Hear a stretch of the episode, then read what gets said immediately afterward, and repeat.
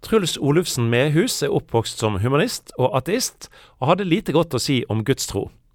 Felles hobbyer med presten i bygden, sammen med en dose nysgjerrighet, førte likevel til en prosess som endte med at han lot seg døpe i voksen alder.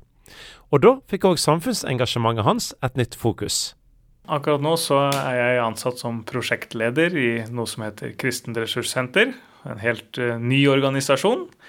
Og der jobber jeg med å hva skal jeg si, folkeopplysning om hva som foregår, om uh, hvordan uh, biologisk kjønn skal tilsidesettes i skolen. I undervisning for barn så lærer de at kjønn er en tanke, en følelse. Og så jobber jeg med politisk påvirkning, og så er jeg litt kjent fra å ha vært aktiv KrF-politiker. Og så er bakgrunnen min eh, variert fra privat næringsliv, og jeg har startet og drevet flere bedrifter selv. Og eh, vært næringssjef i en kommune og har eh, ja, vært med på veldig mye forskjellig i mitt yrkesliv. da, Og så ble jeg kristen for fem år siden, så det, så det er veldig mye nytt for meg i livet eh, å ta fatt på det. Så jeg har tre barn og gift. Du har vel også vært kandidat til Stortinget for KrF? Ja, det stemmer. Jeg ble valgt som eh, stortingskandidat for Troms og Finnmark i, eh, i valget i fjor. Og var på en eh, heidundrende valgturné da, hvor jeg var, bodde i en gul varebil med KrF-logo i, i, nesten en måneds tid. Så det, det var heftig mye opplevelser og mange debatter. ja. Men du Truls, du har jo en helt annen historie bak deg, oppvekst, enn det Eh, de som har vokst opp i et kristent hjem? Ja, det stemmer. Ehm, jeg har vokst opp i et hjem der mamma og pappa er eh, ateister. Ehm, og ehm, da jeg begynte i første klasse, så husker jeg enda den samtalen jeg hadde med pappa. Han spurte vil du lære bare om én gud, eller vil du lære om alle guder og sånt som fins? Og så husker jeg tenkte jeg tror han vil jeg skal si alle guder, så jeg svarte det. Og så har jeg hatt da livssynsundervisning og ikke kristendom i hele oppveksten min.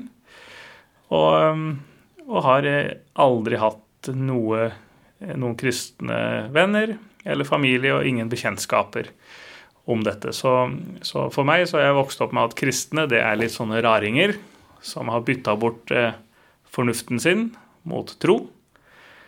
Og eh, at eh, de forsøker å forkynne og pådytte sin tro på alle andre mot sin vilje. Det, det, er, den, det er den holdningen jeg har hatt til det kristne, da. Så andakter og alt sånt, det ble, forstår jeg, slått av når det kom i ditt hjem? ja, det stemmer. Eh, når andakten kom på radioen, fordi radioen sto jo på hele tida, da var det om å hoppe på den og få skrudd av i en vanvittig fart, for det der skulle vi ikke ha i vårt hus. Og um, alt som hadde med tro å gjøre, og, og i hvert fall eh, kristne ledere, det, det, var, det, det sto lavt i kurs i vårt hus, altså. Så det ble humanisme og, og uh, ja, livssynsundervisning på deg, da? Ja. Eh, når man er Altså, man snakka jo aldri om noen som helst som hadde om tro å gjøre og, og lite, om, lite om hvorfor noe var som det var. Um, og, og, det har vært så, så, det har aldri vært snakk om humanisme, eller når vi snakka om å være humanetiker, ja, det handler om troen på mennesket. Jeg, vet ikke om jeg skjønte helt hva som lå i det. Men, eh, men det hørtes nok logisk ut for, for en for en tenåring. Eh, og, og ja, ja, vi tror på mennesket. Men eh, ja, det er, det er bakgrunnen, da. Så det er et langt hopp derifra til å, til å bli kristen i voksen alder. Det må jeg si. Du begynte å lese filosofi, du begynte å lese teologi. Ja, det stemmer. Jeg eh, leste boka eh, som heter eh, 'Martin Luthers teologi' av eh, Wisløff. Den boka Eh, begynte jeg å lese i rett etter at jeg hadde kommet til tro. Men, og det kom jo til tro gjennom, eh, gjennom at jeg eh, ble kjent med en ny sogneprest utenfor Hammerfest, som var på min alder, og vi hadde samme interesser. Og jeg leste om det i en avisartikkel, og så syntes jeg det så litt interessant ut at han hadde de samme hobbyene som meg. Så da tok jeg kontakt med han og spurte om vi skulle treffes for å leke sammen da, med disse hobbyene som vi har med dataspill og med kortspill. Og det ville han jo gjerne. Og han var en sånn vinnerskalle, så han var jo ikke der for å ha det hyggelig, han var der for å knuse meg. så vi hadde en, en, hva skal jeg si, en veldig ulikt ståsted og ulik, ulik personlighet. Men eh, jeg, når jeg først har en sogneprest ved bordet, så begynner jeg å spørre spørsmål om han første jeg spurte om, var tror du virkelig på Gud? Ja, det, vi, er, vi, var vel da i 2012, tror jeg. Vi lever i 2012, så at, liksom, og du virker som en klok mann. Tror du virkelig på Gud? spurte jeg. Og da, det gjorde han jo. Og det skjønte jeg ikke noe av. Og så begynte begynte vi, han å utfordre meg på etiske spørsmål, etiske problemstillinger om, eh, om, hvorfor noe er galt hvis man ikke tror på Gud. Og, og, så sa han for at han mener at alle er syndere. Og jeg sier jeg har jo ikke syndet. Det gjelder ikke meg.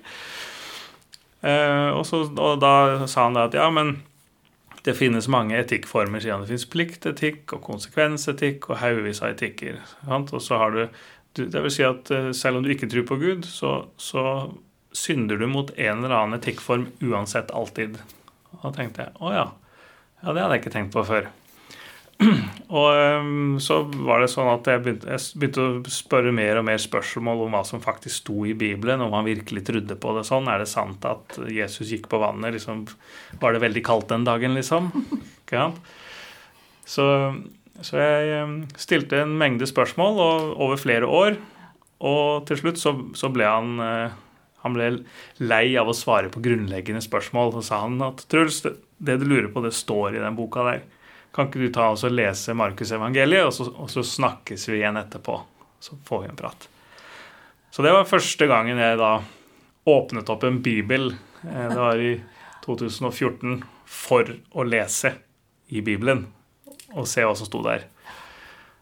Ja. Og det gjorde du flere ganger, da? Leste Markusevangeliet? Ja. Eh, Markusevangeliet Min bakgrunn, da, det som jeg har, er har jobbet med salg, har jobbet med markedsføring og jobbet med kommunikasjon. Så når jeg leste Markus evangeliet første gangen, så eh, ble jeg veldig overraska over hvor høy kvalitet det var på kommunikasjonen i det som sto der. Det var sånn at jeg tenkte wow, dette var høy kvalitet. Og de mest kontroversielle tingene som som eh, man kan lese om helbredelse og de undrene som Jesus gjorde, de var beskrevet på en sånn måte at man kom unna med det uten å gå i detalj. Det syns jeg var mm, mesterlig utført. Og så la jeg merke til eh, at eh, Jesus var god på markedsføring. Han brukte en teknikk som, som klesmerket Levis hadde gjort i en oppgave jeg skrev i 2005 2005 på BI så skrev jeg en oppgave om hvordan Levis hadde suksess med en kampanje i USA hvor de la eh, dokumentmapper som det sto 'Top Secret' på. og Det la de på busstoppene overalt i USA. Og når det står 'Top Secret', og du står alene og ingen ser, så åpner du jo den der, og da ser du Oi, den nye kolleksjonen til, til Levis. Eh, top Secret, og så kan du forhåndsbestille, og du kan få hemmelig informasjon om kolleksjonen. Og dette spredde seg jo som bare det fordi at det var hemmelig. Og da tenkte jeg at jeg kjente igjen den teknikken fra før. Og når Jesus gjorde det samme, når han helbreda de første, gå nå ikke si det til noen. Eller eh, gå med takkoffer til, eh, til, presten, men ikke si det til noen. Hold det hemmelig. Men det ble jo ikke hemmelig, det spredde seg jo bare, og det ble flere og flere og flere. Så da så jeg at ok, det var en god det var topp kvalitet på kommunikasjon, og det var bruk av markedsføringsteknikk som åpenbart virka, og som jeg vet virker i, i dag. Og, um, og, da jeg hadde lest det igjennom som fagmann, så fant jeg ut at jeg har jo ikke fått med meg hjertebudskapet, da, for å bruke det. Jeg har ikke fått med meg så, jeg ble, så jeg tenkte jeg må lese det en gang til for å være sikker på. Og så leste jeg det til sammen fire ganger. Og, og fjerde gangen, da, da skjedde det, det noe, noe, emosjonelt ved at jeg opplevde at Jeg har gått rundt i mitt voksne liv og tenkt at jeg er elsket av mamma og pappa fordi jeg er deres sønn. Jeg er elsket av kona fordi jeg er hennes mann, og jeg er elsket av barna mine fordi jeg er deres far. Og så videre, sånn at jeg tenkte at jeg er alltid elsket i funksjonen jeg har, eller rollen jeg er. Og så lenge jeg oppfyller den godt nok.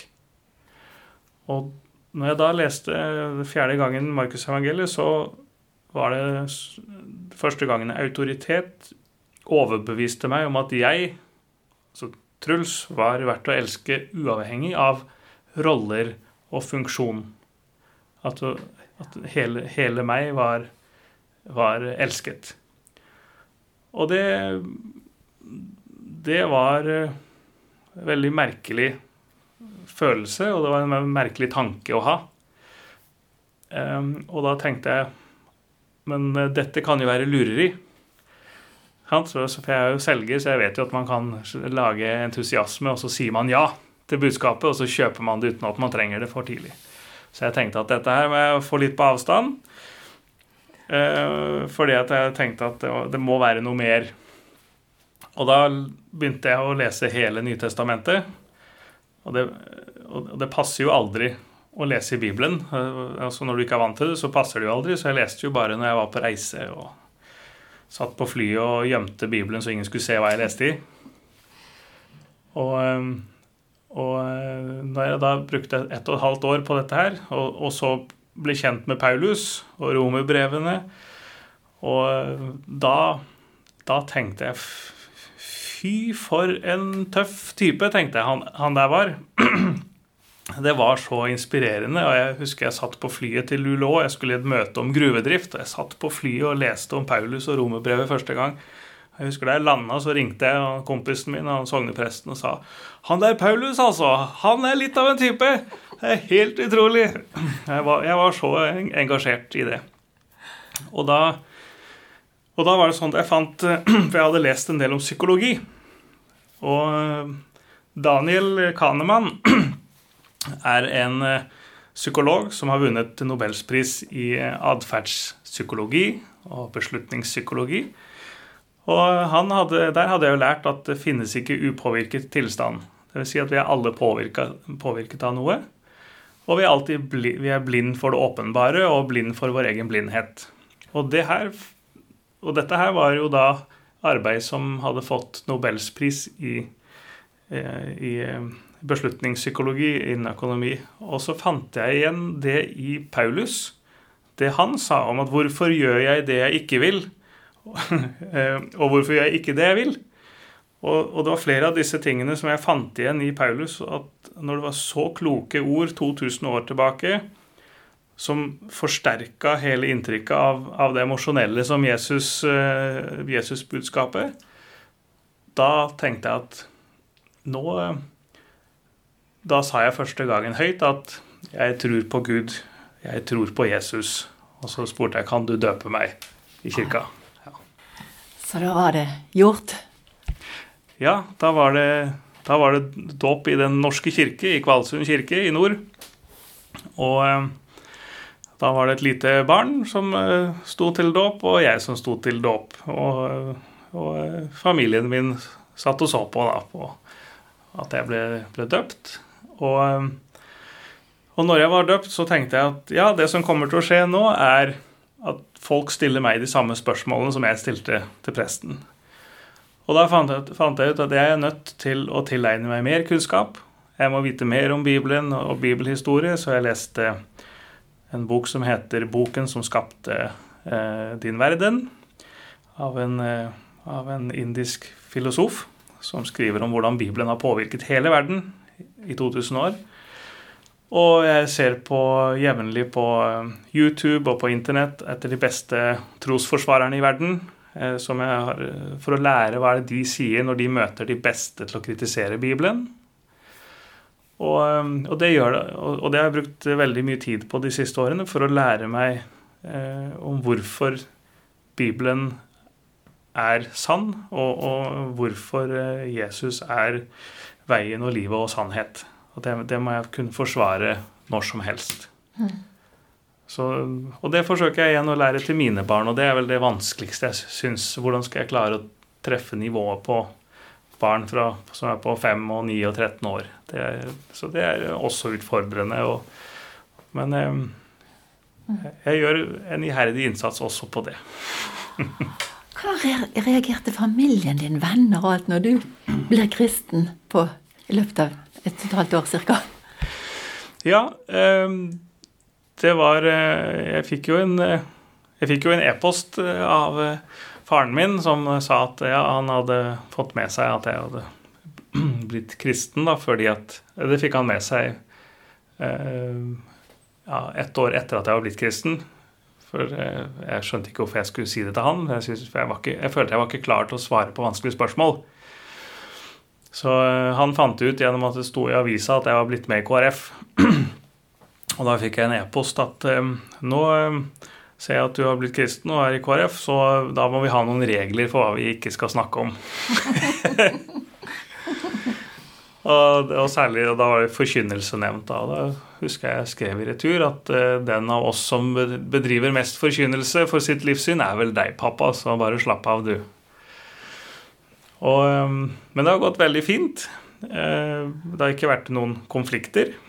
Men det er klart at uh, på min vandring i å, i å, bli bibeltro, så er det klart at det er jo en del, en del eh, ting som endres i mitt liv og, og for familien, som ikke som ikke, som ikke, jeg kan Som ikke jeg gjør lenger, blant annet, som jeg gjorde før. Um, og det familien min, mine nærmeste, det merker jeg at jeg er Før jeg var kristen, så var misunnelse en drivkraft i meg. Jeg var alltid misunnelig på noen som hadde mer, eller var mer suksessfull, eller hadde høyere status og var bedre likt eller mer populær. Det var noe som jeg kjente på misunnelse på, og, og, gjorde at jeg ofte iverksatte tiltak for å liksom, forsøke å fylle, fylle opp det tomrommet som misunnelsen kartla. Mm. Og når den ble borte, så husker jeg ble litt nervøs, fordi at jeg innså hvilken sterk drivkraft misunnelse hadde vært. Så tenkte jeg ja, men hvis den blir borte, hva er det da? Hva, hva, er det da som vil drive meg? Når jeg innså at det var misunnelse som gjorde at jeg hadde gjort så mye rart. Og starta mye rart og forsøkt på mye forskjellig. Og, ehm, og, og, da var det sånn at det tentes en Ja, det, det ble tent en politisk gnist. Jeg følte for at jeg, jeg har lyst til å være med å gjøre samfunnet bedre. Og med bedre så innså jeg at ok, det handler om at vi må ha mer kunnskap om Bibelen og det kristne og kulturarven vår eh, for at vi skal klare å ha, et, ha bærekraft nok til å tåle en, en framtid som, som ikke vi kjenner utfallet på, men går vi vekk fra kristendommen, så er jeg overbevist om at da blir ikke samfunnet et bedre sted. Så da, så da tentes da min politiske gnist, da, i, når misunnelsen ble borte. Mm. Så det var spesielt. Og, og da har familien måttet være med på den reisa også. Og det har, mm. har vært eh, tidvis litt tøft for dem, det må jeg si. Det er sånn at jo tøffere verdispørsmål jeg skal inn i, jo mer eh, må jeg sjøl be, eh, fordi at det er den eneste måten jeg klarer å eh, stå i disse debattene. Og jo flere er det som sender meg melding og sier at de ber sammen med meg og for familien min, som jeg er veldig takknemlig for. Og så starter jeg hver dag med å, å stå opp klokka halv seks, og så leser jeg i Bibelen. Og så ber jeg, og så eh, tar på da Guds fulle rustning, som det heter. Og så vekker jeg familien når klokka blir sju. Og så fòrer ungene og får de på skole og barnehage, og så starter arbeidsdagen med det utgangspunktet. Så det er det som eh, definerer min eh, hverdag, med å starte på den måten og avslutte med en kveldsbønn før jeg legger meg. Så eh, en kortspill- og dataspillprest, det ble din vei gjennom hans måte å være på din Dere fant hverandre, og så førte det til at du ble kristen?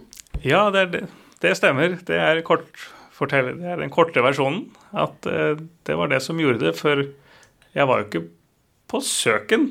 Jeg, jeg, jeg innså vel at vi uh, Etter å ha jobbet et liv med andre gründere og entreprenører så, og reist mye i verden, så fant jeg ut at uansett hvor suksessfull noen var, hvor mye penger de hadde, så satt man på seine kvelder med de samme spørsmålene. Og man rista litt på hodet og innså at det, det, er ingen som egentlig vet hva de driver med. Det, og um, en slags meningsløshet.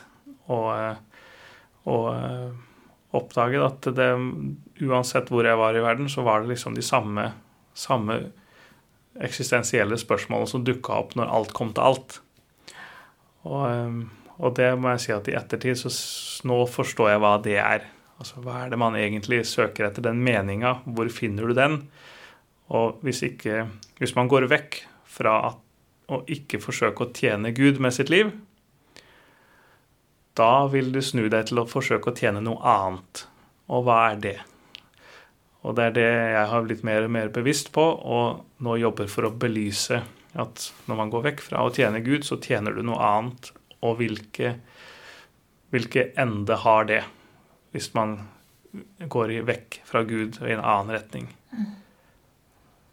Er det spesielle bibelvers, Truls, som har betydd mye for deg, eller betyr mye for deg? Eh, ja, i starten så var det, så var det Forkynneren, og så var det eh, Paulus eh, med første romerbrev, eller med romerbrevet som jeg leste, eller fant mest inspirasjon i til den situasjonen jeg var da. Og da handla det om forkynneren som snakket om å jage vind. At alt var mening, altså meningsløshet, jage vind, det var det jeg kjente meg igjen i. Og det var det jeg kjente igjen i samfunnet og vennene mine fra før. Um, og, så har det endra seg mer og mer til at uh, Sånn som når jeg jobber nå med, med tunge politiske temaer, så er det f.eks. Romerbrevet 12.1 med at vi skal bære vårt liv som et levende offer til Gud. Og i dagens samfunn så handler ikke det om at i Norge at vi blir forfulgt med livet som innsats, men vi må være villige til å korsfeste vårt omdømme i sosiale medier og i media. For, eh, og da, der, da, kobler jeg det til Romerbrevet 12.1. At, at man må også være villig til å ofre sitt omdømme. For det er det, det er det det virker som at vi er mest redd for å miste i trygge Norge. Du har hørt en podkast fra Petro. Du finner masse mer i vårt podkastarkiv på petro.no.